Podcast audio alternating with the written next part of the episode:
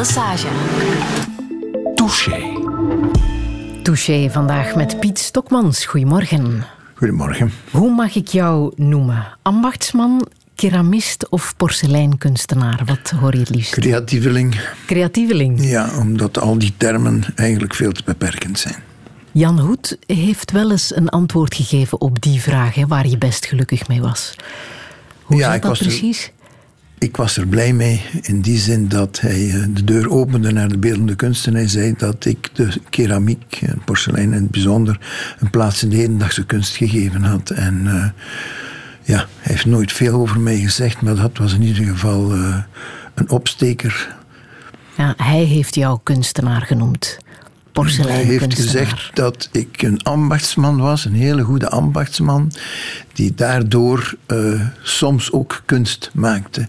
Maar omgekeerd heeft, eh, ik denk Picasso ooit gezegd dat als je in je hele leven één kunstwerk maakt, dat je je kunstenaar mag noemen. Voilà. Dus, wie moeten we nu geloven? ik mag jou ook jarige noemen, hè? Tenminste, morgen mag ik dat officieel, want dan wordt u 80. Ja, ik heb altijd het gevoel dat het over iemand anders gaat. Is het waar? Maar eh, het zij zo, we kunnen dat wel logenen, maar dat heeft ook geen zin natuurlijk. Ik moet jou bedanken, want je hebt mij hier al ongelooflijk geplezierd eh, deze ochtend met eh, twee champagneglaasjes. Ik voel mij bijzonder vereerd. Maar het is eigenlijk aan mij om, om u een cadeautje te geven. Hè.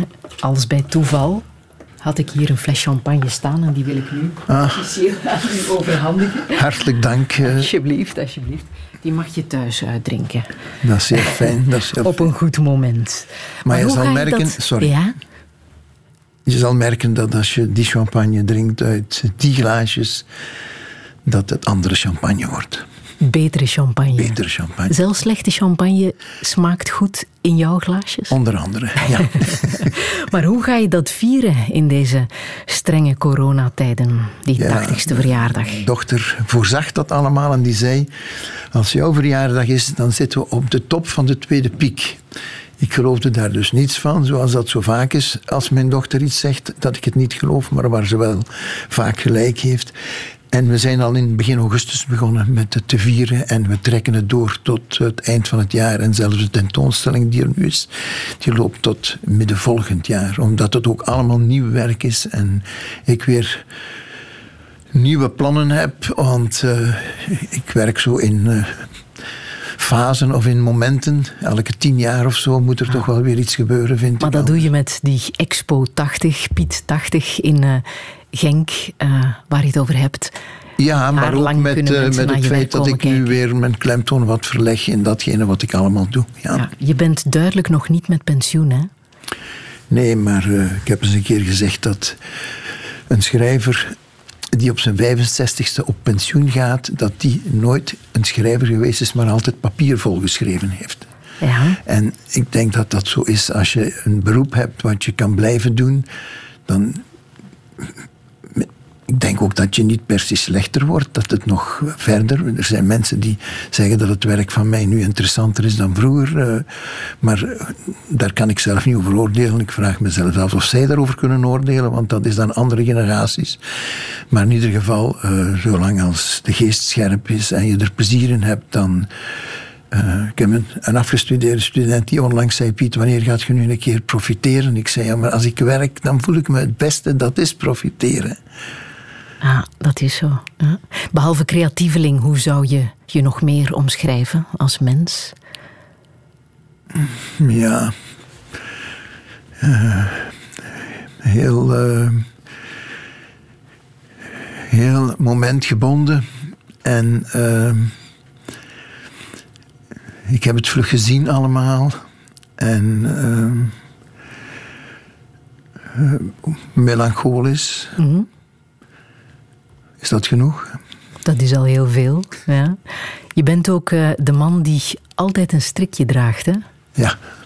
ja. Welke ik- betekenis heeft dat voor Ah, jou? dat heeft een betekenis. Dat heeft in de loop van mijn leven wel meerdere betekenissen gehad. Er waren mensen waar ik tegenop keek vroeger. eh, van Elslanden had een strikje aan. Huismans had een strikje aan. Uh, van Overst Overstraat, of hoe heet het, die de VTB opgericht heeft, had een strikje aan. Karel Elno, een van mijn lichtende voorbeelden, die twee boekjes geschreven heeft over vormgeving, had een strikje aan. En ik ben ook iemand die niet tot de categorie kunstenaars wil behoren, die het uh, vanuit de romantische idee bekijkt. Dus kunstenaar, vorige, niet vorige eeuw, ondertussen zijn we een eeuw verder, maar uit de 19e eeuw, op een zolderkamertje, arm enzovoort. Uh, ik, toen ik in de, in de industrie ben gaan werken, dacht ik, ik ga me beter kleden dan de directeur. Dan uh, is dat al weg, dat vooroordeel. Want die kunstenaars, daar had men een vooroordeel over, begrijp je? Dus... Uh, en heeft dat geholpen? Dat weet ik niet. Dat weet ik niet. Daar kan ik achteraf niet over oordelen als het mij maar hielp om mijn plaats op te eisen. Dus uh, je moet de dingen in eerste instantie voor jezelf doen. En als je er zelf plezier aan hebt, dan doe je dat ook goed. En als je het alleen maar voor een andere reden doet, dan blijft er toch niks van over. Ah. Ben je ook een zoete bekje? Ja. Hoe ver gaat dat? Oh, dat, een dat is toch uh, zo'n heel pak chocolade per dag of zo. Die zijn wel tegenwoordig veel dunner dan vroeger. Dat mag als je 80 wordt. Piet Stokmans, welkom in Touché. Radio 1. 1. Friedel Massage. Touché.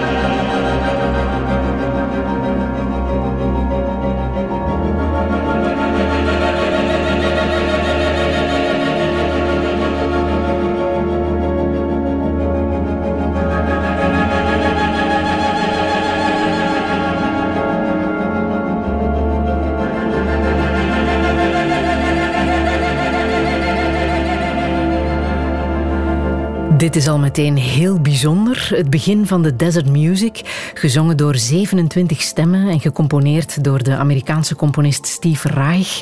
Hij is begin deze maand trouwens 84 geworden, net iets ouder dan, uh, dan u, Piet Stokmans. We duiken hiermee meteen in jouw wereld, denk ik. Hè? Dit soort muziek past bij jou. Waarom precies? Het is minimale muziek. Toen ik in de 60er jaren gevormd werd, vooral na het onderwijs gevormd werd, moet ik zeggen. Ja, Karl André, repetitieve kunstwerken, minimale, minimal art, arte povera enzovoort. Dus in die periode ben ik opgegroeid en ik ben van die tijd. En ik heb me wel ontwikkeld, maar er blijft toch heel veel van hangen in, in mijn werk. En vooral in die eerste jaren heb ik, uh, tenminste de eerste jaren, toch tot in de jaren tachtig, heel erg uh, met dat herhalende bezig geweest in mijn werk. Ja. En is dit muziek die je ook opzet als je aan het werk bent in uh, je atelier? Soms, soms. Ja? Maar ik heb een, een te onrustig werkgedrag in mijn atelier vaak om, om naar muziek te luisteren. Dus ik heb ik loop de hele tijd rond. En uh, ik heb eigenlijk veel te weinig rustmomenten. Maar ja, ik ben een haas en het is altijd zo geweest. En het zal wel een van die afwijkingen zijn waar we tegenwoordig namen voor hebben. Ja, maar is dat een van de redenen waarom je op deze manier 80 bent geworden? In goede conditie en nog zeer actief? Ik moet inderdaad uh, niet heel veel doen om 10.000 stappen te doen. Ja. ik loop een aantal keren op en neer zonder dat ik buiten geworden, geweest ben. En dan heb ik mijn 10.000 stappen.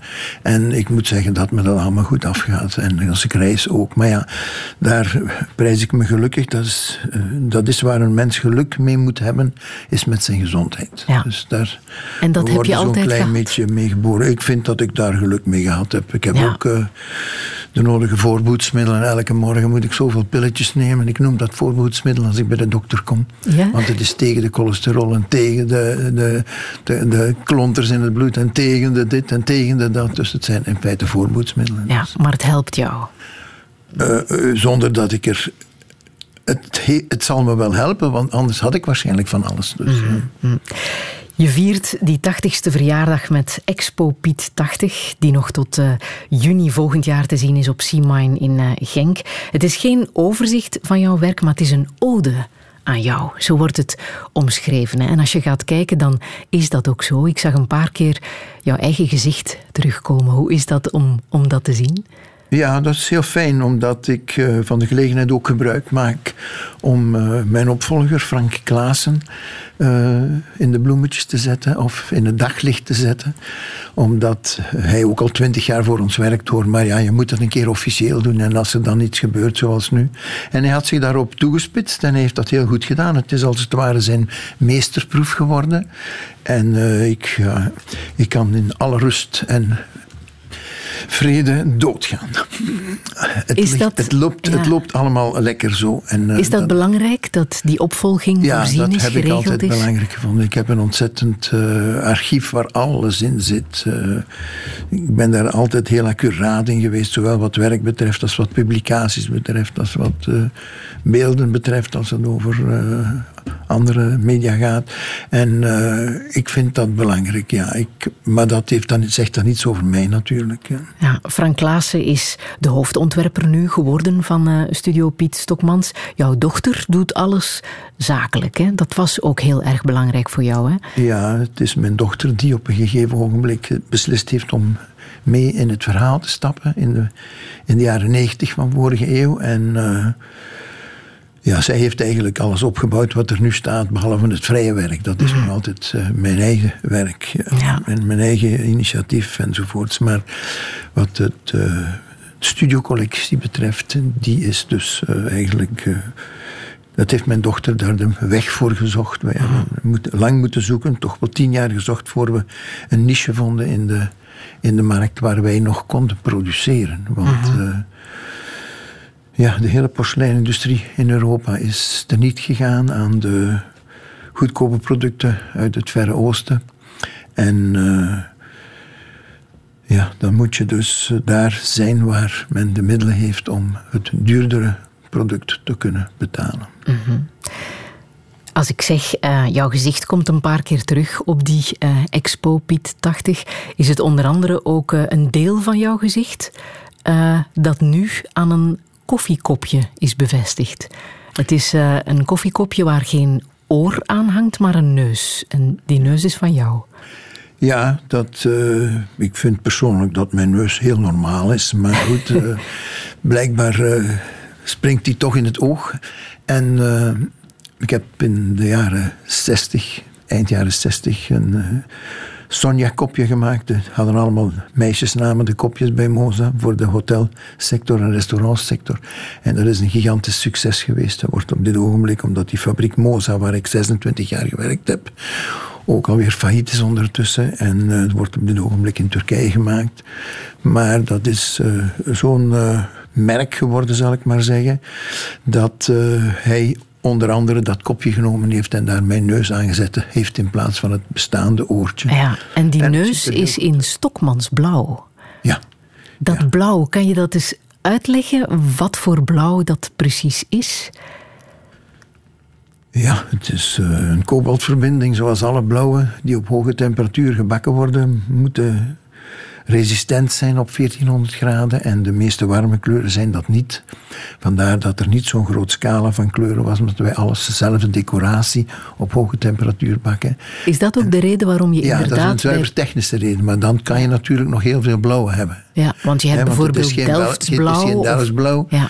Het is ook, uh, dus het is een... Uh, het blauw dat je ziet op Chinese porseleinen vazen bijvoorbeeld? hetzelfde, nee. nee. Het is een licht, het is wel dezelfde licht, reden waarom uh, de Chinezen ja. dat ook gedaan hebben. Omdat die kleur een goed effect gaf. Ja. Dus daar, daar ligt het wel aan. Maar ja, het is een speciale kleur blauw die, die ik gekozen heb op een gegeven ogenblik om uh, een, ja, een type van werk te maken. Ja. En dat, uh, ja, dat is ons geheimpje, zal ik maar zeggen. En dat zeer herkenbaar ook is, hè? en dat ook ja, die naam heeft ja. gekregen. Ja, dat zijn de dames die bij ons in de showroom kwamen en zeiden: Kijk, ik heb een Stokmansblauw blouseje aan.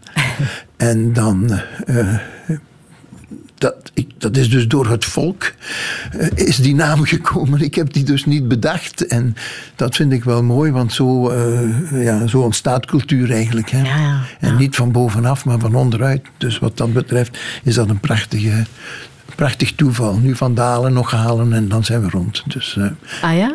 D dat is nog jouw ik droom? Heb, nee, ik zeg dat gewoon omdat Ja, het altijd maar over die nieuwe woorden gaat. Dus uh, Stokmansblauw, dat zou wel in Vandalen mogen. ja, daar moet zich natuurlijk iemand daar. voor inspannen dan. Ik, Ja, dan moeten we het nog een paar keer zeggen, denk ik. ja, ik denk Ja. het ook. Ja. Porselein staat natuurlijk wel in de Vandalen, Ja. maar ik denk dat veel mensen niet zouden kunnen uitleggen wat porselein nu precies is. Ja, dat is. eh, dat wist ik zelf ook nog niet eens zo goed toen ik eh, in, de industrie stapte.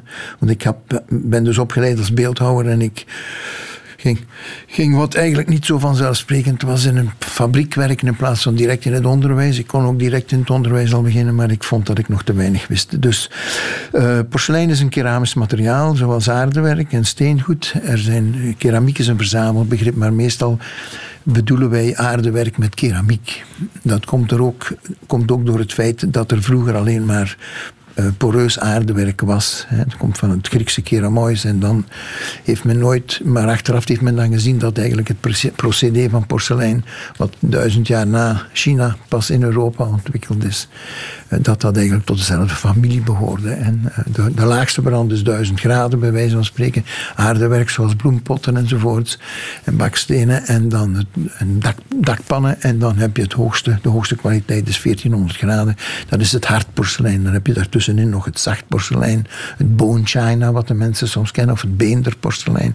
Waar een van de grondstoffen door beender, beendermeel van ossenbotten wordt gebruikt. Maar goed, dat verleidt ons allemaal veel te ver. Dat wordt een heel technisch verhaal dan. Ja, het meest duurzame product ook, volgens jou. Ja, omdat het eh, kwartsgehalte in, in het porselein, in het glazuur van het porselein zo hoog is, dat het dus de slijtvastheid van de scherf of van het glazuur Ja. hangt af van de, het, het, de hoeveelheid kwarts in het glazuur. En eh, kwarts is een heel eh, hard materiaal. Dus, eh,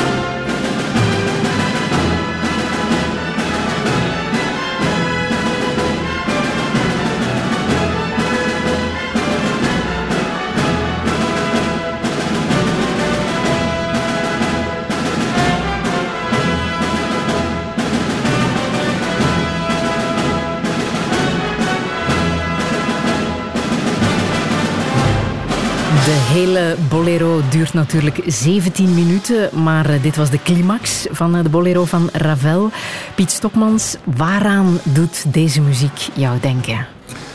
Ja, dat doet me denken aan mijn vader. Eh, ik heb hem nooit viool zien spelen, maar hij had twee violen.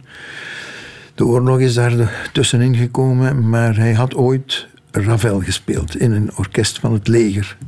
En vandaar, dit is een kleine ode aan mijn ah. vader. En wat voor iemand was jouw vader? Mijn vader kwam uit een familie van onderwijzers. Zijn vader, zijn vader was hoofdonderwijzer, hij was onderwijzer aan dezelfde school. Ze, waren maar met hun twee overigens. En uh, zo ging dat vroeger. En de vader daarvan was dan uh, koster. De grootvader daarvan was koster en kleermaker. En zo gaat dat verder. Het waren altijd uh, dit soort beroepen. Heel ver terug zijn het boeren geweest. En hij was als onderwijzer moest hij muziek doen. En uh, dat is nu nog altijd zo. En hij schilderde. En hij was van de toneelvereniging en de fanfaren enzovoorts. Het hele hm. dorp draaide rond de onderwijzer vroeger. Hè. Ja. Dus, en jouw moeder, wat voor iemand was zij? Mijn moeder kwam uit een uh, middenstandsmilieu waar men uh, een klein bedrijfje had. Frenken heette ze, uit Weert in Nederland. Mijn moeder was een Nederlandse. En ja, de directheid die ik heb, die komt zeker van mijn moeder af. Ja. En ook de handelsgeest, als ik dat mag zeggen. Ze hebben dus de Tweede Wereldoorlog meegemaakt. Ja. Op welke manier heeft dat invloed gehad op hun leven? Ja, vader was geen speciale Vlaming, maar hij was wel Vlaming. Hij zong Vlaamse liedjes enzovoorts enzoverder. En in hoeverre dit een rol gespeeld heeft, weet ik niet. Want eigenlijk is dat ook weer iets waar mensen niet zo graag over praten. Maar hij heeft in 1952 al uh, zijn burgerrechten teruggekregen en is...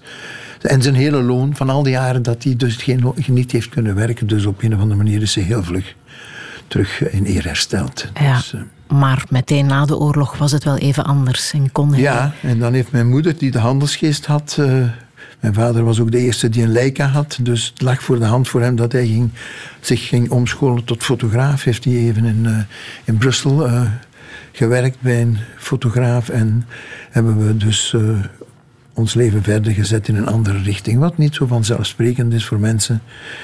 Je trouwt vanuit een bepaalde idee en je denkt dat dat dan de richting is waar het leven in loopt, maar het leven kan, uh, kan uh, eigenaardige sprongen maken. Maar die hoeven niet per se nadelig te zijn. Uh, ik, ik, ik zie dat als heel anders. Ja? Maar ik heb dat wel niet zo ervaren in die jaren natuurlijk. En hoe was dat dan voor jou? Hoe voelbaar was dat, was voor jou als kind?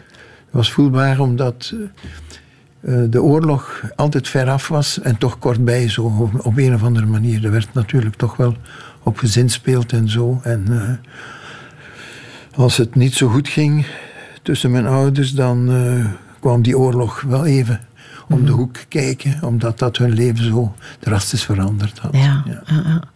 Jij bent zelf geboren in 1940, toen de oorlog begonnen was. heb je daar zelf herinneringen aan? Ik heb herinneringen aan de bevrijding natuurlijk. Uh, ik heb als het uh, kerstmis is, ruik ik de schuilkelder.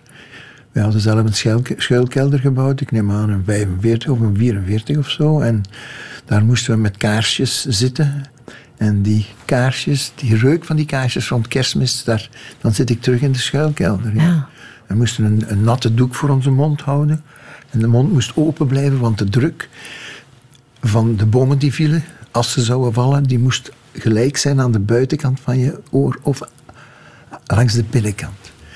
Dat zijn toch merkwaardige dingen. Maar verder, ik heb deze dagen nog verteld, uh, uh, ik zie Montgomery nog in een jeep recht staan toen hij door de stationsstraat in Leopoldsburg bij de bevrijding gereden kwam en wij stonden allemaal met vlaggetjes. En toen moet ik toch nog in de kleuterklas gesteden hebben te wuiven. Ah. En het is zo sterk dat toen ik de eerste keer op het Montgomeryplein kwam hier in Brussel, dat ik die man herkende. Ja. Ik vond wel dat hij verschrikkelijk groot afgebeeld was. dus zo zie je maar hoe dingen van vroeger, zowel geheugen als reuk, als alle, alle zintuigen eigenlijk, een rol spelen doorheen je hele leven. Maar dat is maar op momenten dat je ermee geconfronteerd wordt terug. Mhm. Er waren zeven kinderen hè, in het gezin Stokmans? Ja, er waren er zeven, maar er zijn er maar vijf in leven gebleven. Er was een tweeling die heel vroeg gestorven is. Ja, een jongen en een meisje, want voor de rest waren we met vijf jongens. En uh, moeder gedroeg zich ook als de baas. Dus we waren eigenlijk met zeven jongens. maar hoe was dat in die tijd om dat verdriet te verwerken? Een tweeling die. Uh, dat weet ik niet, want dat is voor mijn tijd geweest. En dat dus is ook niet nee, uh, dat is voelbaar nooit, gebleven. Dat is nooit, nee, nee, nee. Ik denk, ik denk dat het, uh, het geluk van de drie die er nog nagekomen zijn, dat dat. de pijn de twee die er nog nagekomen zijn, dat dat alles goed gemaakt heeft. Ja. Maar nee, dat heeft geen, daar heb ik niets van gemerkt. Nee. Wat wou jij worden als kind? Ik had twee, uh, twee idealen. Uh, ik wou ofwel geneesheer worden, ofwel missionaris. Ofwel wou ik de, voor de gezondheid van de mensen gaan werken, ofwel voor hun uh, geestelijke gezondheid. Maar dat je dan toch beeldhouwer bent gaan ja, studeren. Maar ik heb nog onlangs heeft iemand mij gezegd via Facebook, een arts je was ook een goede arts geweest. in, de, in, wat ik vertel en de wijze waarop ik leef en mm -hmm. wat ik doe.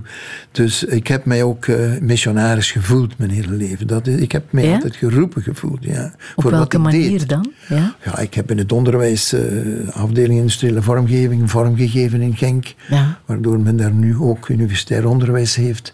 En uh, dat is niet alleen aan mij te danken hoor, maar die afdeling heb ik toch helemaal op poten gezet. En dat was een roeping voor mij. Ik had uh, zo'n beeld van uh, het Bauhaus en het nieuwe Bauhaus. Dat was in Oelum, ik heb dat ooit bezocht. En dan de school in Eindhoven voor industriële vormgeving. Dat vond ik, uh, ik was daar de hele tijd mee betrokken, omdat die opdrachten deden met met het bedrijf waar ik werkte.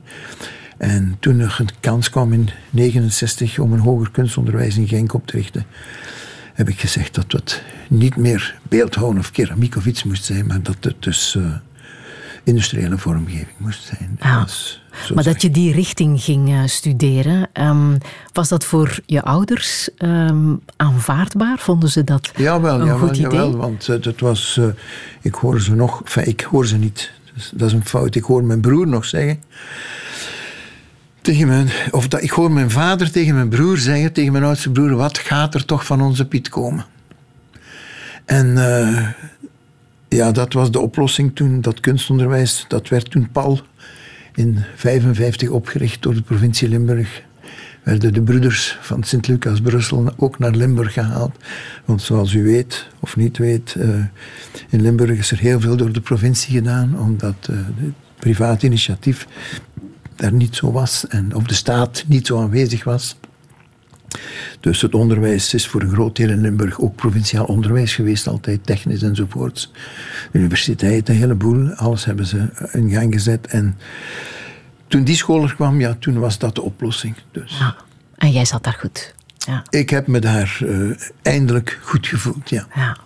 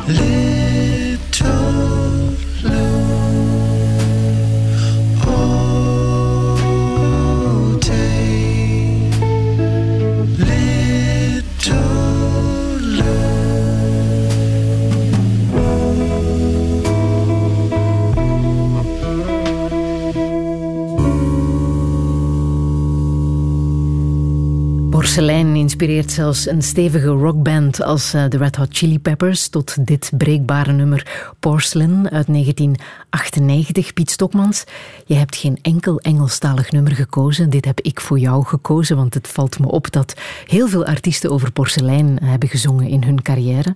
Maar er is een reden waarom jij geen Engelstalige muziek uh, hier hebt meegebracht. Ik weet niet of, dat een, of er een reden er is. een reden waarom ik... Uh ja, er is een reden. Ja. Ik eh, ben, eh, mijn derde taal was Duits. Eh, in het kunstonderwijs vond men dat Duits, de, technisch, dat de techniek in Duitse termen werd uitgelegd. En dat het Frans was voor diplomatie en het Engels was voor de handel. Dat was zo een, iets wat men vroeger vertelde. En daarom kregen wij Duits. En ik heb dat altijd als een handicap gezien, want ik, ik kende totaal geen, geen Engels. En ik heb me dan wat wat via tv enzovoort, met alle mogelijke middelen, want ik uh, geef nu voordrachten in het Engels. Maar ik versta niets van al de songs die gezongen worden. En uh, ik uh, kom daar ook niet achter waarom dat is. Waarschijnlijk omdat die verbindingen tussen die woorden mij niks... Als ik het geschreven zou zien, zou ik het wel begrijpen. Ja. En dat heb ik mijn hele leven als een handicap gezien, ja. Omdat ik op dat gebied een stuk cultuur mis natuurlijk daar waar geen uh, tekst bij is, speelt dat geen rol. Ja, vind je het nu nog lastig? Want heel veel termen worden in het Engels... Ja, uh... ik, heb, uh, ik werk alle dagen op de computer enzovoort, dus dat is natuurlijk wel allemaal bijgeschaafd. Vooral datgene wat wat uh, uh, nodig is. En in het jargon heb ik de termen wel geleerd natuurlijk. Ja. Want uh, ja. ik bereidde mijn, mijn, voordrachten altijd goed voor, dus die werden vertaald enzovoort. Ja. Dus heb ik stilaan wel geleerd wat ik moest kennen, maar het, het, daar waar het dichterlijk gebruikt wordt, zal ik maar zeggen, is het een probleem voor mij en blijft het een probleem. Ik, ik wil even, Piet Stokmans, met jou terug naar um, dat kopje, Sonja dat je hebt gemaakt uh, voor de porseleinfabriek uh, Moza in uh, Maastricht, waar je 26 jaar lang hebt gewerkt. Dat is een kopje dat 50 miljoen keer is gefabriceerd. Hoe lang heb je erover gedaan om dat te ontwerpen? Ja, dat is om te beginnen volledig onbelangrijk. ja? Dus kunstenaars die zeggen ik heb daar zo lang aan gewerkt, die weten niet waarover het gaat. En uh, de beste ideeën zijn soms heel snel. Maar ik, uh, ik, kwam in Nederland. En Nederland uh, is iedereen klein behuisd. En het eerste wat ik deed was... de Moze had in die tijd al een hele goede ontwerper, Edmond Belfoy. En die had allemaal fijne cilindrische kopjes gemaakt. Dus daar heb ik ook wel, wel heel veel aan gehad, aan die man. En, maar ik dacht, in Nederland hebben ze geen plaats in de kasten. En, en zulke cilindrische kopjes die stapelen niet, dus ik ga daar een stapelrandje aan maken. Poef. En het was eerst een dun kopje, een huishoudkopje. Maar in 1969 is er eh, heel belangrijk, iets heel belangrijks gebeurd in de keramische industrie in Nederland. Namelijk dat Sphinx, wat een zeer groot bedrijf was, er werkten in die tijd in Maastricht 6000 mensen in de keramische industrie. Die hielden op met serviesgoed te maken. En die gingen zich helemaal op toeleggen op sanitair en op uh, vuurvast materiaal enzovoorts en tegels. En daar kwam een hele markt voor Moza vrij op het gebied van de hotelmarkt. En toen hebben we dat kopje, wat voor de huishoudmarkt gemaakt was, e-, eigenlijk direct in, ingebracht. Uh, maar op een dikker, met een dikker scherf, ander oortje, een groter trapje eraan enzovoort. En men was op zoek naar de betere hotelkop. Want de hotelkoppen waren allemaal zeer lompe koppen vroeger. En daar kwam nog iets heel speciaals bij. Het was een kopje voor Nederland. En dat was iets kleiner dan de andere koppen hmm. in Europa. Waardoor op binnen de korte tijd er 17 kopijen in Nederland waren. Want al de, Nederland is een kopjesland. En al de buitenlandse fabrikanten die maakten dat kopje na. Omdat ook in Nederland zo'n grote markt was om dat daar te kunnen verkopen. En dat moest dan ook nog stapelen met mijn kopje en met het schoteltje zodat dat eigenlijk allemaal plagiaten werden. Maar niet tegenstaande dat zijn er toch zoveel stuks van dat servies, niet alleen van dat kopje, maar het was een heel servies met borden en alles uh, verkocht. En is dat het standaardkopje geworden eigenlijk voor de, voor de Nederlandse horeca. Ja. Dus ik heb, een geluk met een ongeluk, maar het was het moment dat ik pas uh, goed bij Moza bezig was dat ik dat gemaakt had. En ja. uh, dat viel in een ja, dat viel in een niche waar men dat nodig had. Dus ik heb ook geluk ermee gehad. Het heeft allicht ook deel uitgemaakt van jouw verdere carrière natuurlijk. Hè. Je had daar naam gemaakt, uh, je bent geëvolueerd, uh, je hebt je eigen porseleinfabriek ook uh, gehad. in 1989 is die opengegaan. Ja. Maar drie jaar later ging die ook alweer dicht. Ja, ik had de lokroep van Gijzeling gevolgd. Ik dacht dat ik daar ook een bijdrage aan moest leveren. De mijnen werden gesloten. En er was ook geld. Natuurlijk was dat belangrijk om iets op te zetten. En ik was eigenlijk van de eerste dag al. Toen ik bij Mozer kwam, zag ik al van alles. Ik dacht dat kan allemaal anders enzovoorts. Dus ik was daar in 87 was ik al met de studio begonnen.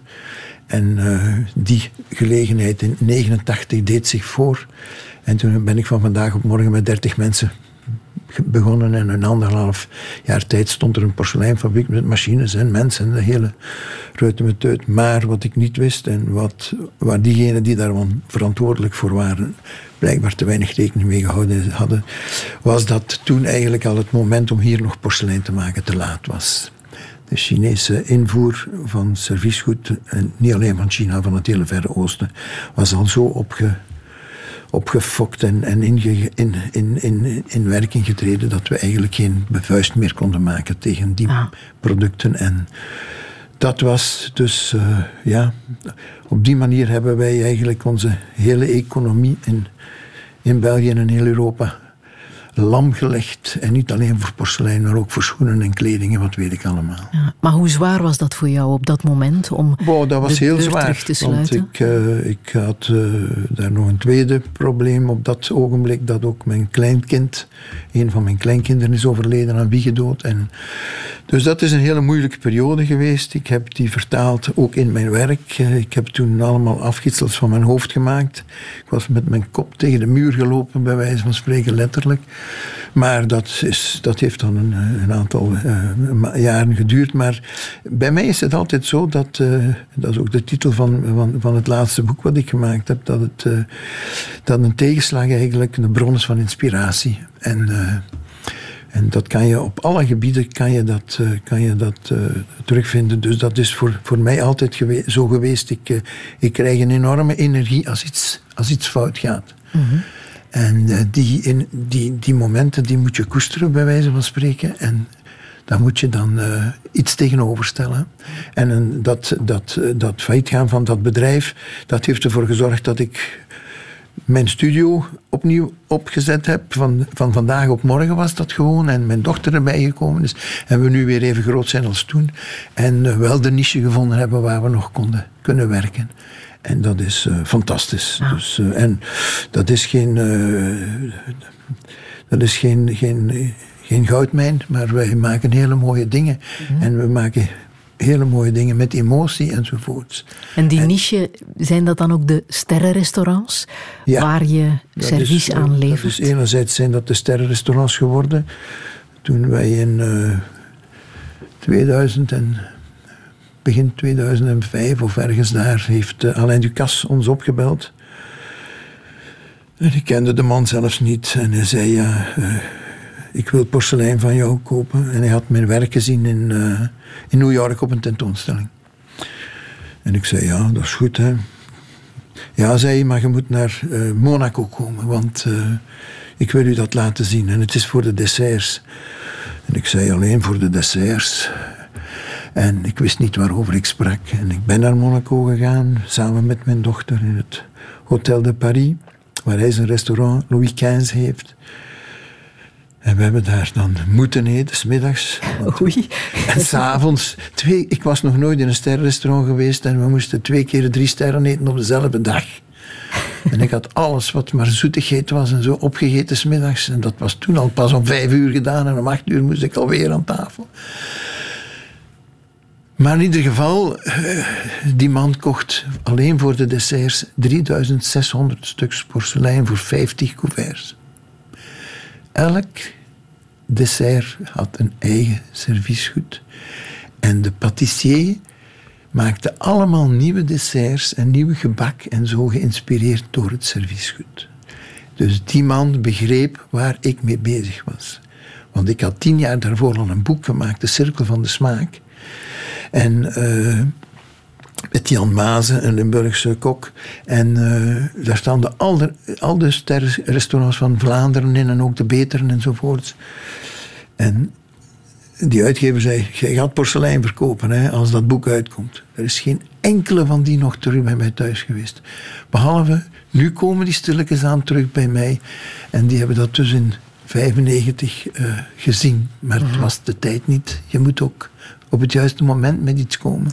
Maar ben je ondertussen een foodie geworden? Hou je ondertussen van Ja, maar ik ben een hele slechte, ik eet veel te vlug. Dus uh, ik zou daar op een kwartier buiten zijn als het, zo, als het onmiddellijk naar elkaar zou komen. dus...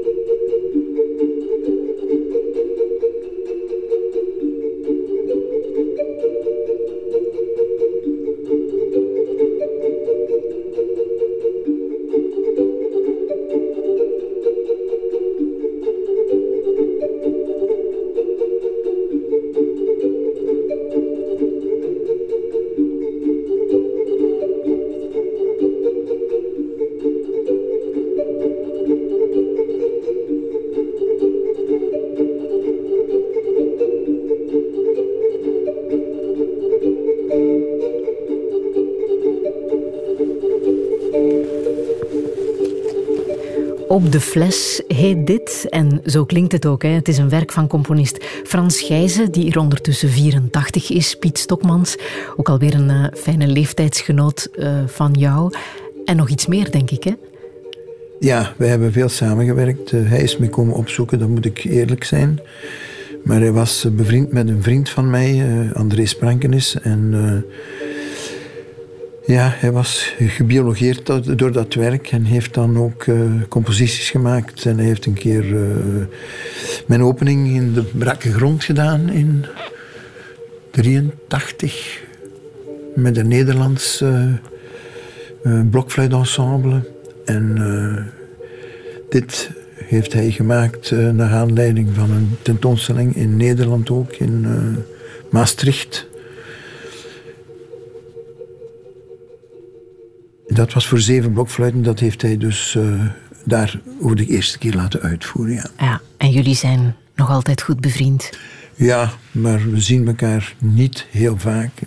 Ik heb een heel druk leven. Hij is eerder introvert en ik ben eerder extrovert. Dus uh, het is een kwestie van de momenten te zoeken. En hij heeft ook een paar keer een concert gegeven op mijn porseleininstrumenten. Ah, ja. Ah, ah de waarde of de betekenis van vriendschap, uh, verandert dat naarmate je ouder wordt? De vrienden veranderen, maar de waarde niet. Maar ja.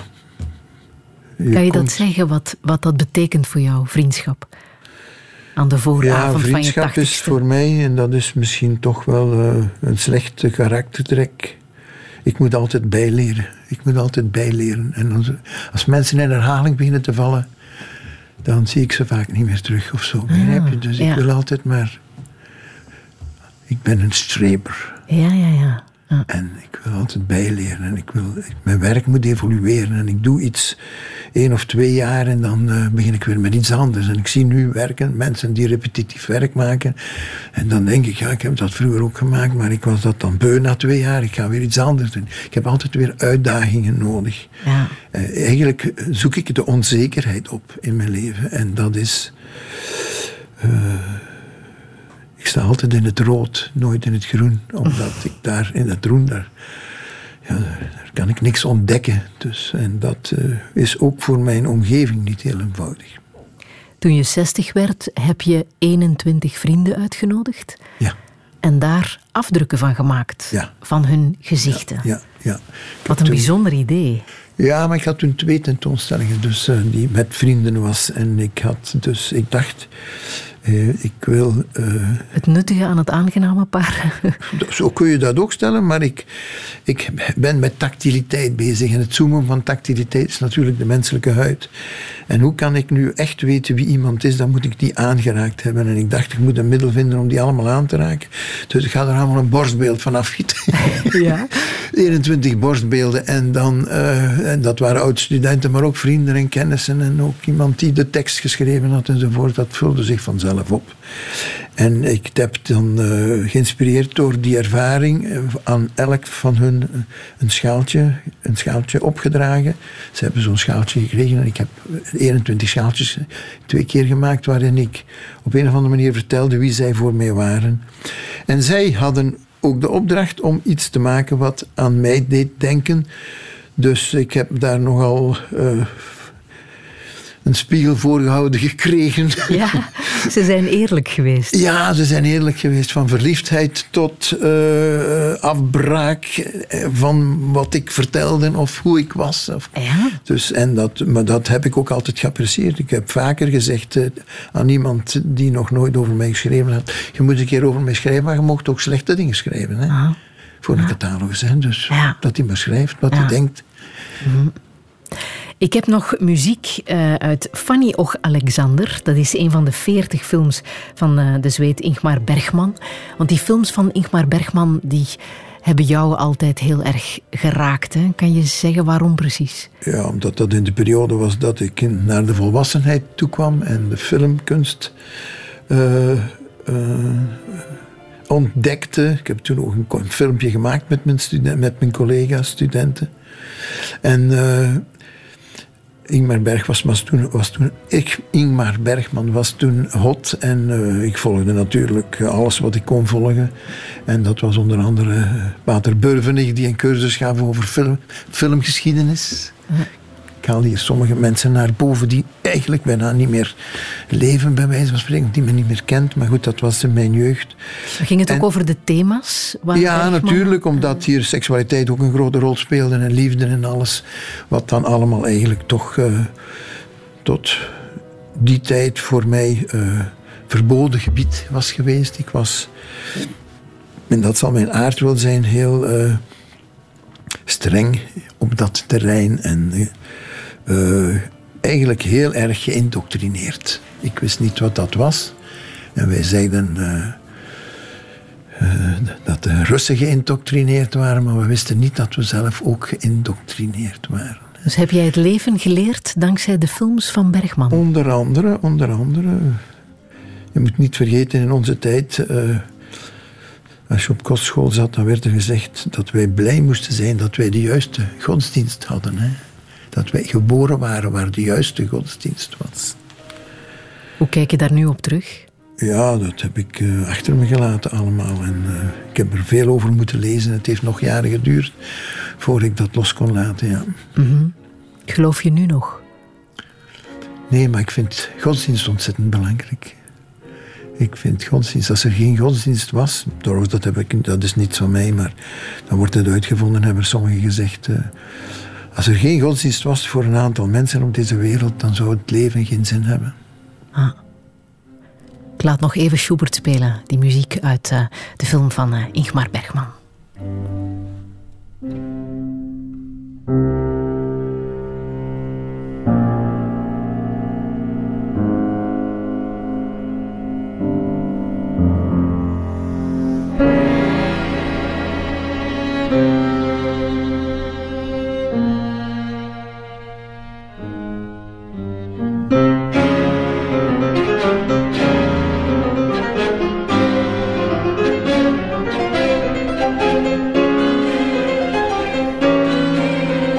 Van Robert Schumann die hoort bij de opening van Fanny Och Alexander, de film van Bergman uit 1982. Goed voor vier Oscars en ook voor beste buitenlandse film. Zometeen praat ik verder met porseleinkunstenaar Piet Stokmans. Radio 1. 1. Friedel Lassage. Touché. Touché met Piet Stokmans. Morgen viert hij zijn 80ste verjaardag. Corona mag dan al een domper zetten op de feestvreugde. Geboren worden tijdens de Tweede Wereldoorlog was ook niet bepaald een heugelijke gebeurtenis. Zijn generatie weet maar al te goed wat het is om in lockdown te leven maar ook hoe je, met je, vrijheid kan, uh, hoe je van je vrijheid kan genieten. En dat deed hij. Al heel jong bekwaamde hij zich als keramist en zette hij Sonja op de wereld. Een koffiekopje waarvan 50 miljoen exemplaren werden gemaakt. Lof en prijzen dwongen hem tot overmoed. Hij opende zijn eigen porseleinfabriek die hij drie jaar later alweer mocht sluiten. Wat is een leven zonder falen? Zijn kinderen nog wel creatief genoeg? En is er leven in Limburg? Dit is Met Piet Stokmans. Een zeer goede middag. In het diepste van mijn ziel ben ik eenzaam en fragiel. Maar ik sta de wereld aan als een winnaar. En het leven lacht me toe bij om het even wat ik doe. Elke keer zal ik er staan als een winnaar. Maar soms voel ik me zo klein, wil ik iemand anders zijn. Diep van binnen ik weg van de pijn. Behandel mij heel zacht. Verbrijzeld door je lach. Poreus en onderhuid. Als een winnaar haal jij me onderuit. Mijn gedachten slaan op hol. Ik verval weer in een rol. En zal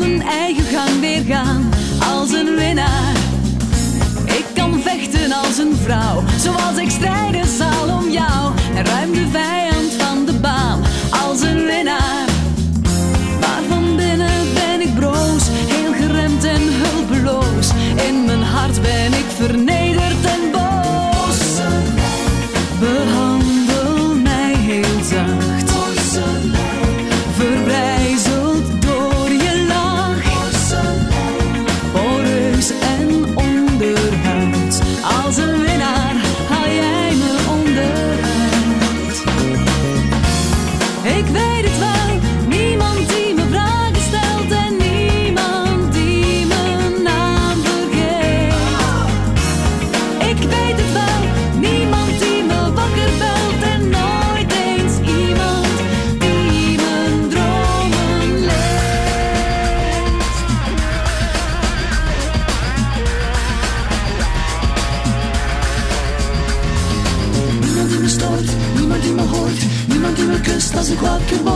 Niemand die me mist, niemand die me haat, niemand die de deur voor me openlaat. Niemand die me kent, niemand die me streelt, niemand die me ooit eens een moment verveelt. Niemand voor mezelf, niemand om te zijn, die is net als ik van porselein. Niemand die me stoort, niemand die me hoort, niemand die me kust als ik wakker word. Niemand die me mist, niemand die me haat, niemand die de deur voor me openlaat. Niemand die me kent, niemand die me me ooit eens een moment verveelt. Niemand voor mezelf, niemand om te zijn, die is net als ik van. Behandel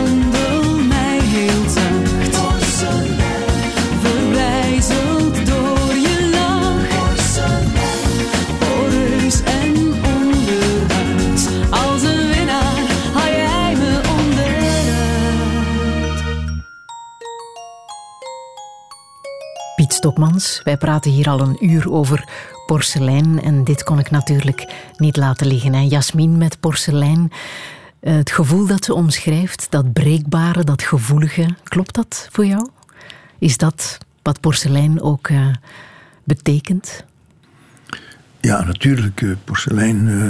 ik heb mijn hele leven mee bezig gehouden met kwetsbaarheid en met tactiliteit. Dat waren de twee thema's. En de kwetsbaarheid, eh, die zit in, eh, in het breken van porselein. En eh, de tactiliteit is het aanvoelen. En vandaar dat ik ook heel veel ongeglazuurde producten maak, waarbij je de, de huid voelt van een product. En dat wordt ook door de chefs heel erg gewaardeerd. Dus ik. Ja, dat is een onderdeel van, van het hele gebeuren. Ja. Maar als, ik, ik moet eerlijk zeggen, ik, eh, als iemand het woord porselein gebruikt, heb ik soms het gevoel, heb ik soms het gevoel zoals anderen hebben als men iets over porselein zegt. Het is net alsof ik daar niet mee werk. Ja? Hm. Dus ik ben heel afstandelijk naar, naar wat, eh, wat, de, wat de betekenis is die mensen aan porselein geven. Omdat ik porselein eh, in die context zie ik zelfs het serviesgoed niet wat, wat ik gemaakt heb. Dus, Is eh, porselein duur voor jou? Is het zijn prijs waard? oh, porselein is ontzettend goedkoop. Ah ja? Mensen, eh, het is een, een, een- als mensen een bord kopen van 100 euro en onze borden zijn goedkoper en ze gebruiken dat twee maal per dag gedurende 25 jaar, dan heeft dat bord 0,03 eurocent gekost. En de schoenen die we aan hebben, die kosten 1 euro per keer. En die worden zelfs niet versleten. Het bord wel wordt zelfs niet weggegooid als er een stukje van af is. En dan te bedenken dat datgene wat ons in leven houdt, dat dat op dat bord ligt. Dan is er eh, niets te goed om een behoorlijk bord te kopen waar je dan ook nog 50 jaar mee kan leven. Dus de beste investering die mensen kunnen doen in hun leven is een goed stuk porselein kopen en daar dan hun hele leven elke dag plezier van hebben. Wat dan ook het gevolg daarvan is, is dat de voetafdruk, de ecologische voetafdruk, daar ook nul van is. Doen jonge mensen dat? Kopen ze nog een porseleinen servies? Nee, mensen zijn eh, door het einde van de huwelijkslijsten, zal ik maar zeggen, is, eh, koopt men af en toe. Maar er is wel een bepaalde bewustwording. En eh, ja, is één, één heel groot drama in Europa. En dat is dat investeringsgoederen verbruiksgoederen geworden zijn. Hè. We kopen een bankstel om terug weg te gooien. Hè. Het mag niet al te lang meegaan. Anders Ja, is het niet weet ik niet. Het heeft ook geen kwaliteit om te lang mee te gaan, vaak. Als het kwaliteit had, dan, eh, dan zou het wel lang meegaan. Hoe we hadden vroeger je- allemaal kasten van onze ouders en stoelen van onze ouders. Hoe kijk jij naar de jeugd, naar de jonge mensen? Oh, heel hoopvol. Ik heb, eh, als ik ergens eh, mijn gading gevonden heb, dan is het bij de jeugd in de jaren dat ik eh, lesgegeven heb. Ik vond het fantastisch. Het waren sponsen waar ik maar eh, vocht in hoefde te duwen, bij wijze van spreken. Maar van kinderen zeg je, die creativiteit wordt veel te snel afgeremd. Ja, dat wel. Dat wel. Ik vind dus dat eh, alle kinderen kunnen tekenen en alle kinderen kunnen verhalen vertellen. Kunnen eigenlijk alles. En eh, dan gaan ze naar school en dan kunnen ze niks meer. Ik denk dat de onderwijzers en onderwijzeressen en de kleuterleiders, dat die allemaal afschuwelijk hun, goed hun best doen. Daar ben ik eh, van overtuigd. Maar er zit toch iets fout in de wijze waarop we, we enten we enten het natuurlijk op het niveau waar die kinderen van bezig zijn. Maar het, is, eh, het onderwijs is veel te eenzijdig. Hè? Het spelen op de speelplaats is onderdeel van het onderwijs. Het omgaan met elkaar is onderdeel van het onderwijs. Seksualiteit, eh, trouwen is onderdeel, zou onderdeel moeten zijn van het onderwijs. Er is te veel dat we niet leren op school, bedoel je? Ja, er is natuurlijk veel te veel te leren. Hè. Ik heb kleinkinderen die in Amerika wonen en, eh, en, de, en die ook Amerikaans zijn door het huwelijk van mijn zoon. Maar als je al maar één taal moet leren, dan valt al de helft van het uurrooster weg. Hè. Dat is, wij, on- onze uurrooster zit overvol en alles wat manuele vaardigheden enzovoorts betreft. En daar, horen, daar horen voor mij paar het zingen ook bij en wat weet ik allemaal. En de keuken en, enzovoorts. Ja, dat is allemaal weggeschrapt. Hè. Dus, Maar de vakken van het leven zouden iets meer aanwezig ja, ik denk dat zijn. eigenlijk op dit ogenblik, maar je mag nooit veralgemenen, dat is een grote fout die ook ik altijd maak.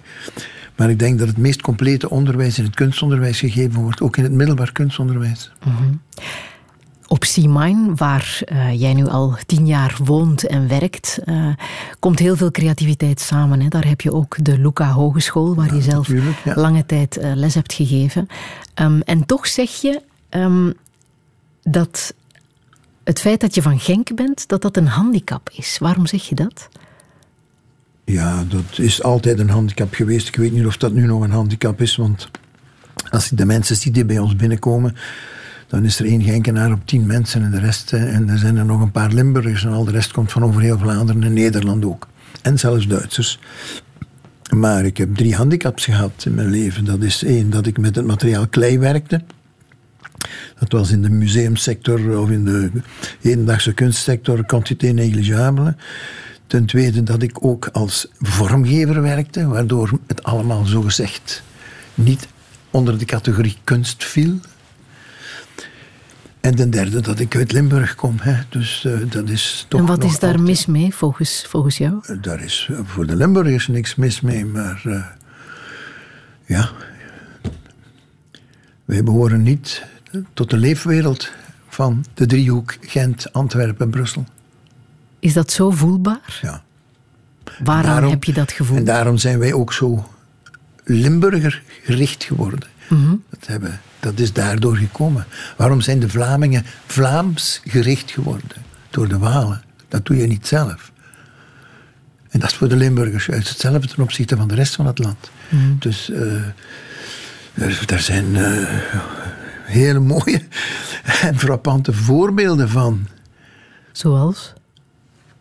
Ik zal er een niet uit mijn sector gebruiken, want dan zou dat. Uh, maar uh, toen enkele jaren geleden drie ploegen in de Europa Cup zaten: Genk, Anderlecht en Brugge.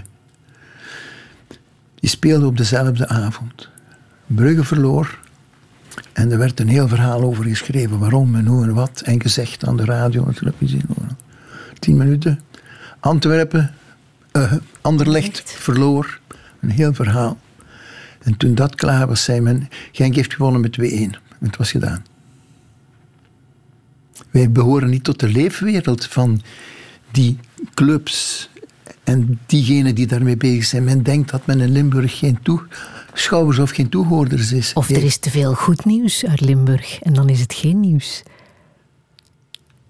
Zou dat ook kunnen? Te veel goed nieuws? Nee, dat denk ik niet. Er kan nooit te veel goed nieuws. Als we naar, naar, naar de openbare radio en televisie kijken, dan zou er wel wat meer goed nieuws mogen komen. Dus uh, wat dat betreft, uh, dat geloof ik niet. Maar dat is, dat is effectief. Er zijn... Maar het voelt zo aan dat Limburg. Ja, wij voelen dat zo aan. Kijk, of dat nu zo is, dat laat ik dan nog in het midden, maar voor, zo wordt het wel aangevoeld. Hè. Uh, iets anders is heel lollig misschien, of heel gek, maar het gaat altijd over het feit, als het een klein beetje weer is, dat het verkeersopstroppingen zijn naar de kust. Ja. Ze zouden moeten zeggen dat in Limburg veel beter weer is en dat daar helemaal geen opstroppingen zijn en dat er nog kamers vrij zijn. en dat Waarom heel wordt dat alleen over de zee gezegd, terwijl je kunt mm. daar geen kant uit? Langs de ene kant is het water, langs de andere kant is het plat. Bij ons zit je vlakbij Duitsland, vlakbij Nederland, Maastricht, Luik, de hele Ardennen. Je bent een zeer goed Limburg-ambassadeur. Dat weet ik niet. Ik, uh, ik probeer uh, te vertellen wat bij ons leeft. Voilà. Dat is aangekomen.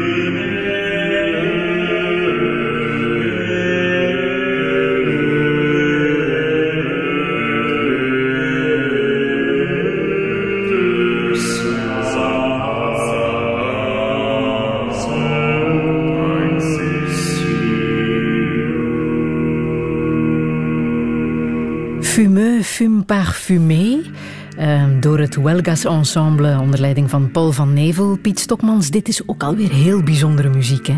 Jouw favoriete muziek, waarom precies? Oh, ik zie, uh, ik zie geen verschil met hedendaagse muziek als ik hem graag hoor. Dus dat kon even goed hedendaagse muziek zijn. Ja. Dat zijn klanken, polyfonie. Koren hoor ik ook altijd heel graag, meerstemmige muziek en zo kerkmuziek, als, er, als we iets goeds overgehouden hebben vanuit de religie, dan is het de kunsten. Hè? Dus de kerk en de abdijen, dat is fantastisch. Hè? Dus, uh... Ja. Ik kan me voorstellen dat dit inderdaad ook wel goed klinkt in jouw uh, atelier. Er zijn bijzonder veel mensen die uh, aan het pottenbakken zijn geslagen. Hè? En ik denk dat corona daar nog mee verantwoordelijkheid voor draagt. Wat vind je daar eigenlijk van, dat zoveel mensen oh, aan het als, zijn geslagen? Ik vind dat prima als ze zich... Uh, en uh, het is vooral prima als ze dan bij mij komen. Want ze zeggen dan, ja, bij mij is het toch zo. zo, zo ja, maar als je 50 jaar bezig bent, is dat allemaal opgelost. dus uh, ik vind het heel belangrijk dat het kunstonderwijs zo populair geworden is, omdat men dan inziet wat de kwaliteit is van diegenen die daar professioneel mee bezig zijn. Mm. Er is er wel eens een enkele die, wat we niet mogen vergeten, die het ook gemaakt heeft. Neem maar Raoul de Keizer, die heeft de avondschool gevolgd. Maar um, over het algemeen is, is dat een stuk van de cultuur. En, en, en ja, alle cultuur is tegenwoordig in hokjes. En eh, als je wilt kunnen schilderen, moet je naar de school gaan. Maar in principe kan je dat eigenlijk ook allemaal zelf. Hè. Alle kinderen kunnen dat zonder naar de school te gaan. Dus dan kom ik daar terug op. Ik zou niet weten waarom ouderen naar de school moeten gaan om, om te leren schilderen. Hè. Mhm. Misschien dus- om terug te leren wat ze zijn afgeleerd ja, als dat, kind. Dat zou, uh, dat, dat zou de beste reden zijn waarom ze naar een naar een cursus moeten gaan. Ja, Dat zou de zin daarvan moeten zijn eigenlijk. Ja. Maar heb je er een verklaring voor dat zoveel mensen uh, kiezen voor dat pottenbakken? Ze zouden allerlei dingen kunnen kiezen hè? in een ja, avondschool of in een academie. aspect, dat, dat ligt kort bij hun als mensen mijn atelier willen bezoeken, zeg ik ook altijd: ga naar de bakker. Hè. Dat is hetzelfde. Die, diezelfde rekken heb ik staan. Dat staat daar ook allemaal. Daar moet ook allemaal die oven in. Bij mij moet dat dan wat hoger gebakken worden. En wat, uh, maar in principe is dat hetzelfde. Dus dat manuele. Er zijn ook veel mensen die kantoorwerk doen, die waarschijnlijk graag eten klaarmaken. Hè. Omdat dat een, een, een compensatiegedrag is naar hun dagelijkse Mhm. sleur, wat het niet zou mogen zijn natuurlijk. Ja. En op welke manier heb jij dan de coronaperiode overleefd? Oh, daar heb ik totaal geen probleem mee gehad. Nee? Het, heeft, eh, het is jammer dat ik uh, de reizen die ik graag maak niet heb kunnen maken, maar er is, zoals bij een begrafenis, een rust over mij gekomen. Mm De ideale situatie. Om de, vijf, om de tien jaar zou het vijf jaar corona mogen zijn voor mij. Maar dan zonder die doden allemaal. Maar eh, een beetje mindere tijden is regelmatig goed om te zuiveren. Ah. Daar zorgde de religie allemaal voor, hè, vroeger en nu nog. Hè, dus in islam, maar wij, wij hadden ook onze vaste tijd en ons, onze, onze vis op vrijdag, bij wijze van spreken. Dus. Maar heeft het impact gehad op, uh, op jullie werk op uh, zich? En op jullie studio, waar toch een aantal mensen in dienst zijn? Ja, dat wel, dat wel. Dat moet ik eerlijk bekennen. Dat is een een derde van het jaaromzet uh, kan je vergeten. En dat is uh, heel zwaar voor mijn dochter. En, uh, maar ja, dankzij de maatregelen hebben we dat, dat we de lonen niet moesten werden betalen. Dat, mm -hmm. Hebben we dat kunnen rechttrekken. Maar um, dat is heel nadelig. Ja, dat is heel nadelig geweest. En het was wereldwijd. Hè. Het voordeel van ons is vaak dat we niet alleen voor België werken. Maar dit was iets wat niemand, niemand of niets ontsnapte daaraan. Mm -hmm. Had je, ja, je zegt nu van ik uh, zou elke vijf jaar wel uh, een coronaperiode willen. Um, maar je wordt morgen tachtig als jij terugkijkt op je leven. Is dit nu het meest ingrijpende dat je in dat lange leven hebt meegemaakt? Ik heb het gevoel dat het geen lang leven geweest is. Maar. Uh, Ja, voor ons wel. Maar er zijn zoveel landen waar oorlogen geweest zijn en alles. Dus eigenlijk is dit maar een zwak af, afkoksel van diegenen die in Syrië wonen, of uh, in Vietnam vroeger, of in Korea, of in Irak. Allemaal, allemaal. Ik begrijp het allemaal niet zo goed. Dus, uh, mm. dus uh, misschien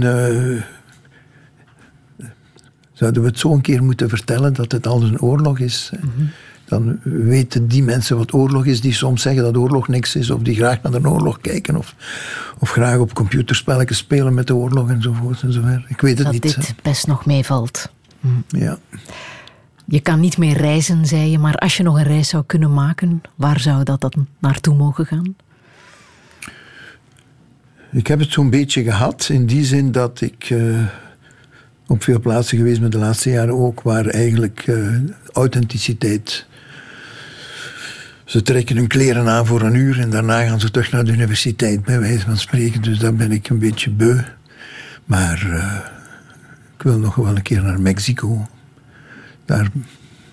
Eigenlijk is het zo dat als je nog wil reizen, dat je naar arme landen moet gaan omdat je daar nog authenticiteit ziet. En eigenlijk een van de enige landen waar ik nog wel een keer extra naartoe wil, is India. Waarschijnlijk komt dat door dat kastensysteem, ik weet het niet. Maar daar blijven de armen arm en de rijken worden rijk. En uh, daar zie je in de dorpen geen hedendaagse gebouwen en ik weet niet wat allemaal. Dus uh, ik heb zo het gevoel, maar ik, ik, mag niet klagen. Ik ben in Ethiopië geweest, ik heb de de kerken gezien die allemaal in de grond steken enzovoort. Dus ik, uh, nee, ik mag niet klagen. Ah, je hart verloren ook aan Toronto in uh, Canada. Ja, dat was de eerste keer dat ik daar kwam. Ik ben er daarna nog een paar keer geweest, omdat dat vond ik een ideaal klimaat. Heel koud, heel warm. Blauwe lucht. Alle rassen door elkaar. Niemand is van Canada. Lekker eten, in die tijd had je daar groentebaars, al, al 40 jaar geleden, maar alleen maar groenten, klaargemaakte groenten, verkocht werden.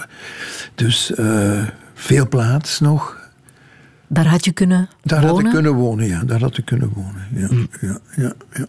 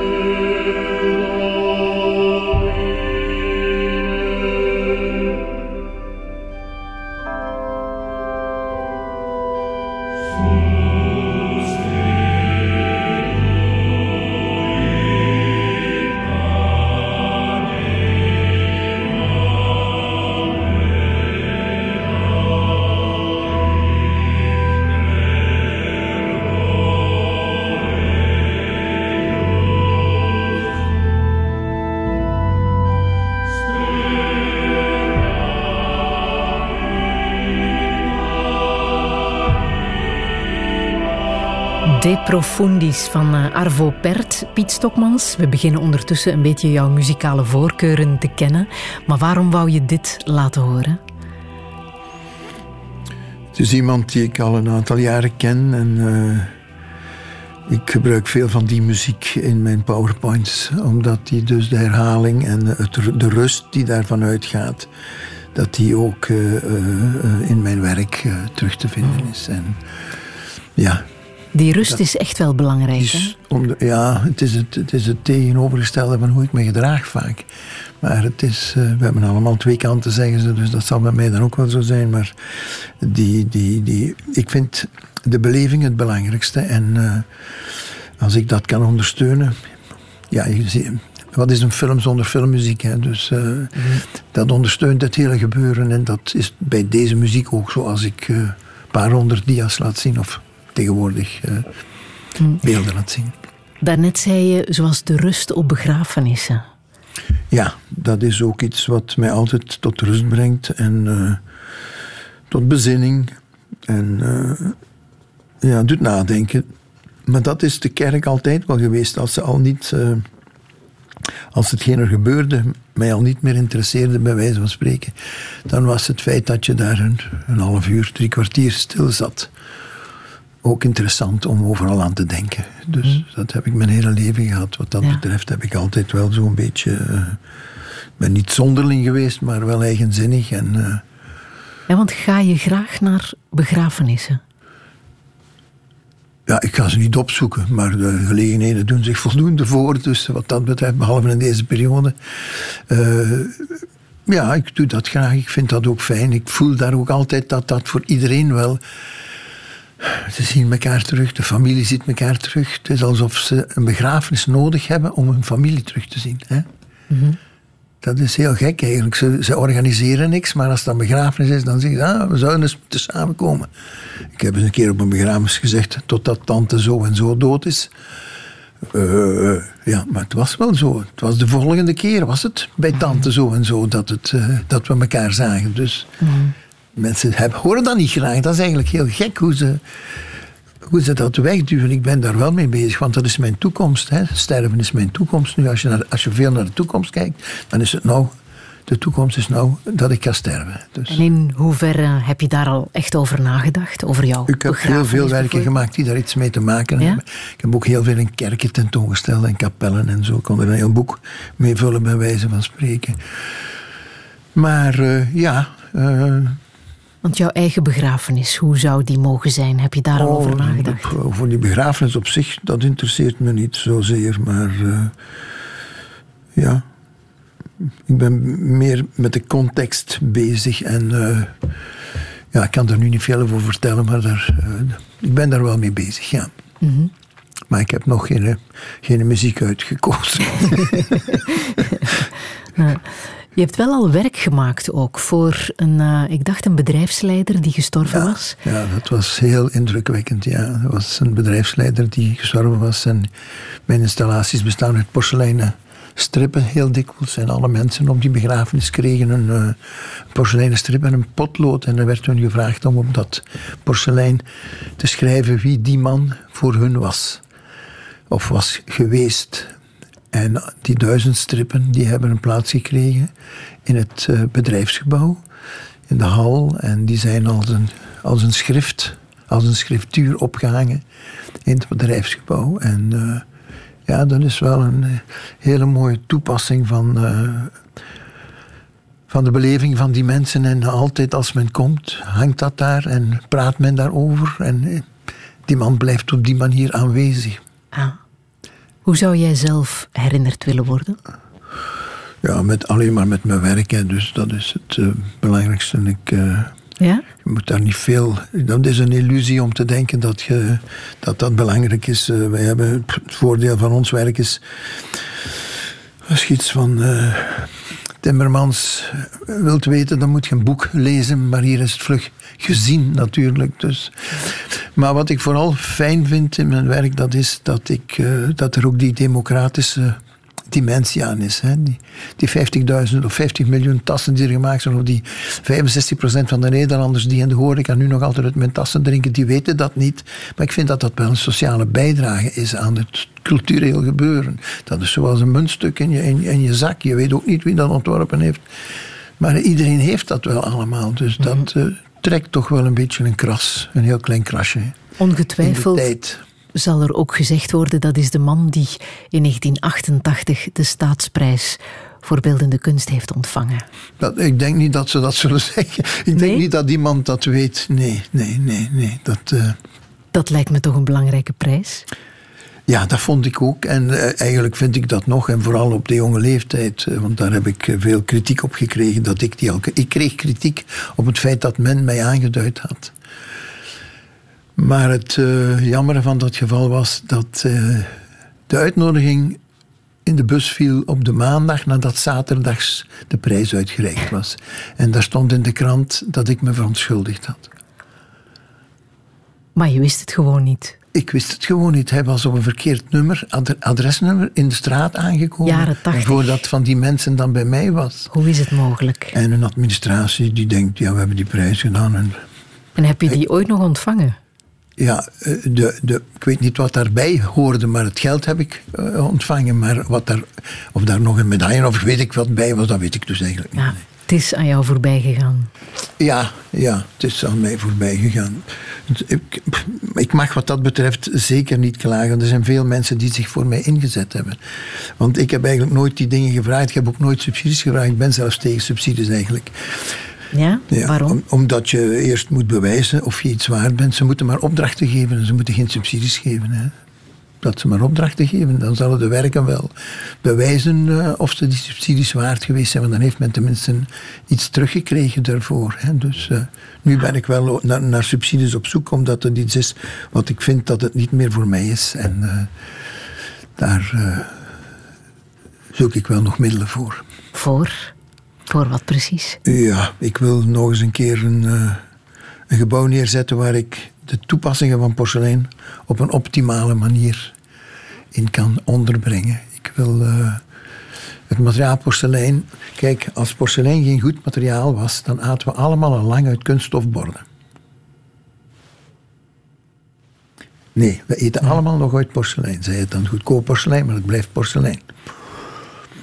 Dat wil dus ook zeggen dat dat eigenlijk een kennis en een know-how is die we moeten vasthouden. En dat doen wij met onze studio in Genk. Wij proberen dat vast te houden. Maar dat is maar een klein vlekje waar wij bezig zijn. En ik wil dat een meer, een, een meer verankeren in de, in de stad Genk. En daarom wil ik een, een, op een terrein wat naast ons gebouw ligt nog iets, iets zetten wat daar nog... eh, waar nog sterker uitgedrukt wordt wat dat materiaal kan en waar dat goed voor is. Want het wordt eigenlijk eh, veel te weinig toegepast. Eh, eh, in het interbellum had je boven elke deur een tegeltableau.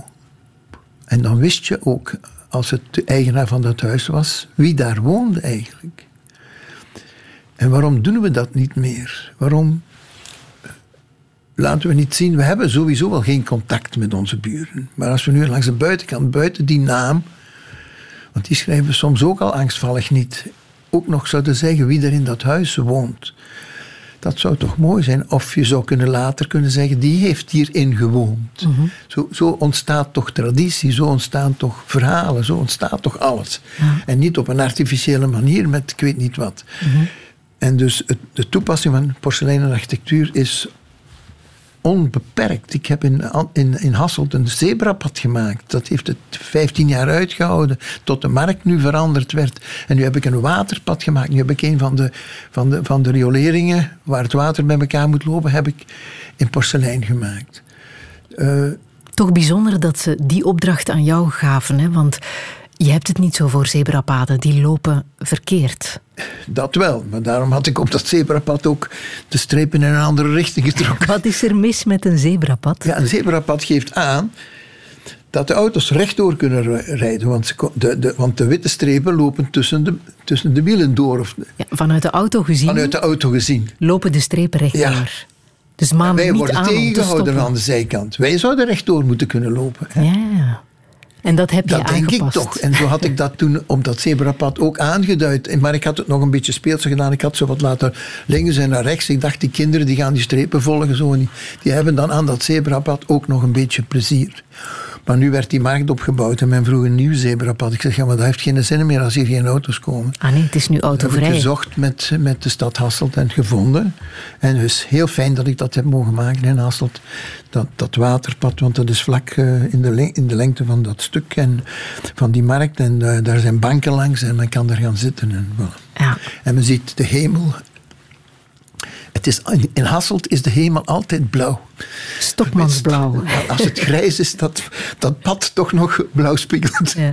Maar je bent niet alleen bezorgd over je eigen erfenis qua eh, kunstenaarschap, maar ook dat van, van jouw collega-kunstenaars. Want ehm, er is heel veel dat staat opgestapeld in kelders en zolders waar niets mee gebeurt. En dat baart jou zorgen. Je wil daar. heeft mij zorgen gebaard. Het Ja. blijft natuurlijk een zorg, maar ik heb het initiatief genomen om de PAS Foundation op te richten. Dat is Private Art Support Foundation. En dat wil zeggen dat we bij oudere kunstenaars die ook grensverleggend geweest zijn op hun terrein, want ze moeten wel iets gedaan hebben natuurlijk, dat we daar ganse eh, blokken van werken opkopen aan een hele lage prijs.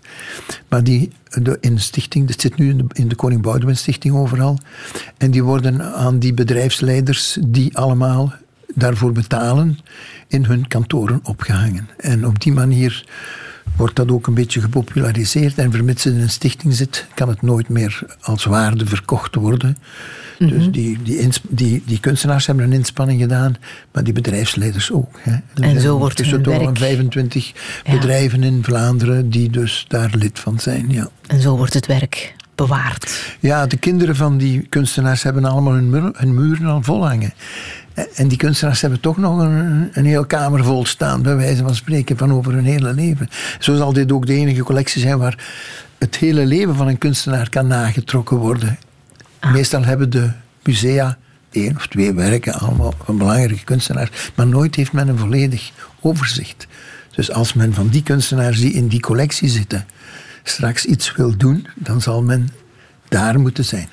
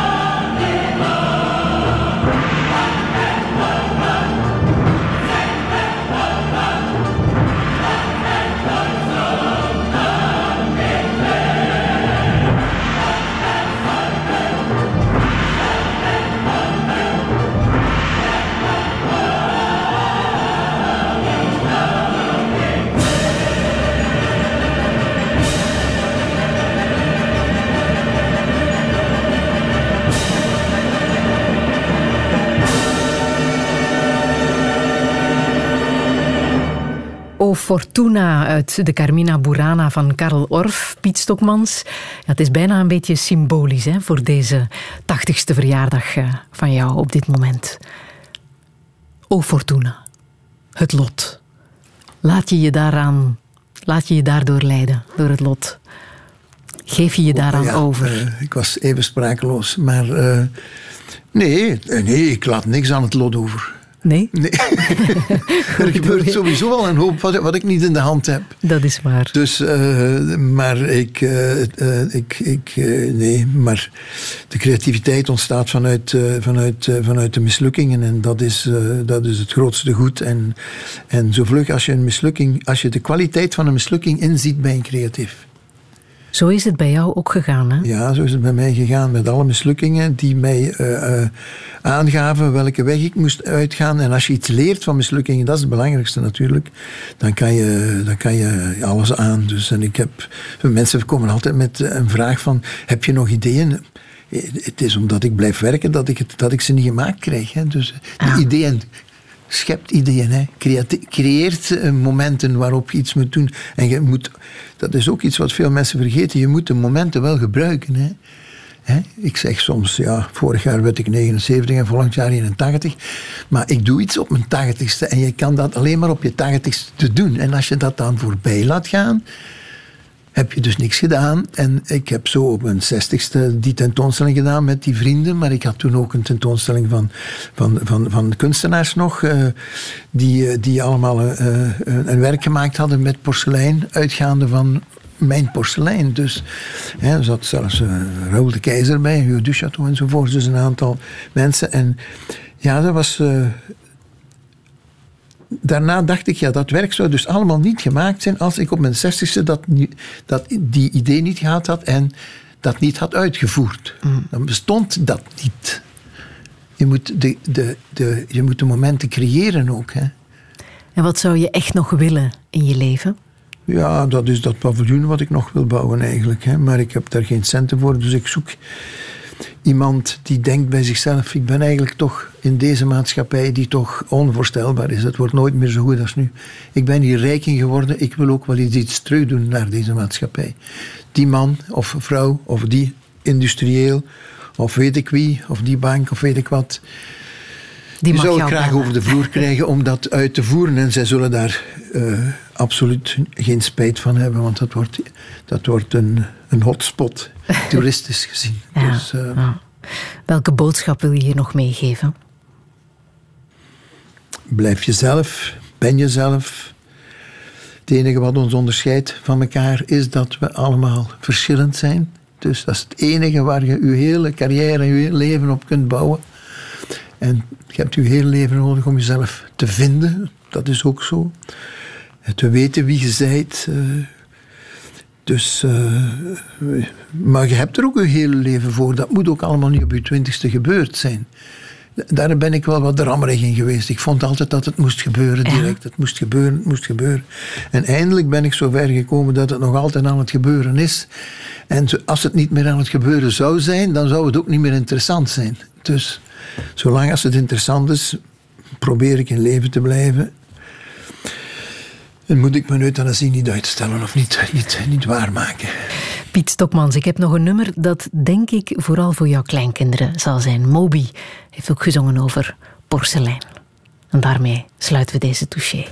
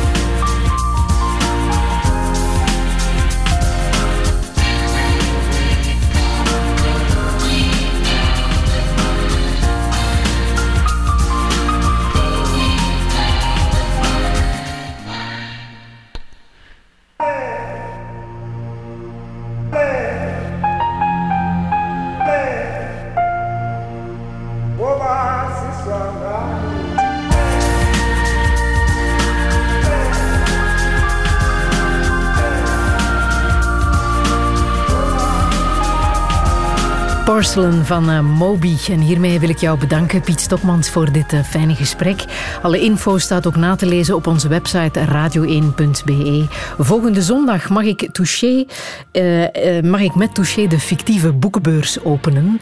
Dat is in een lege expo in Antwerpen. En dat doe ik heel graag met de schrijfster Charlotte van den Broek. Dat zal een heel bijzondere ervaring zijn. Het wordt meteen ook de start van het boekenfeest op Radio 1. Dat hopelijk de hele herfstvakantie zal opbeuren. Graag tot dan. Herbeluister Touché via de podcast, de Radio 1-app en radio1.be.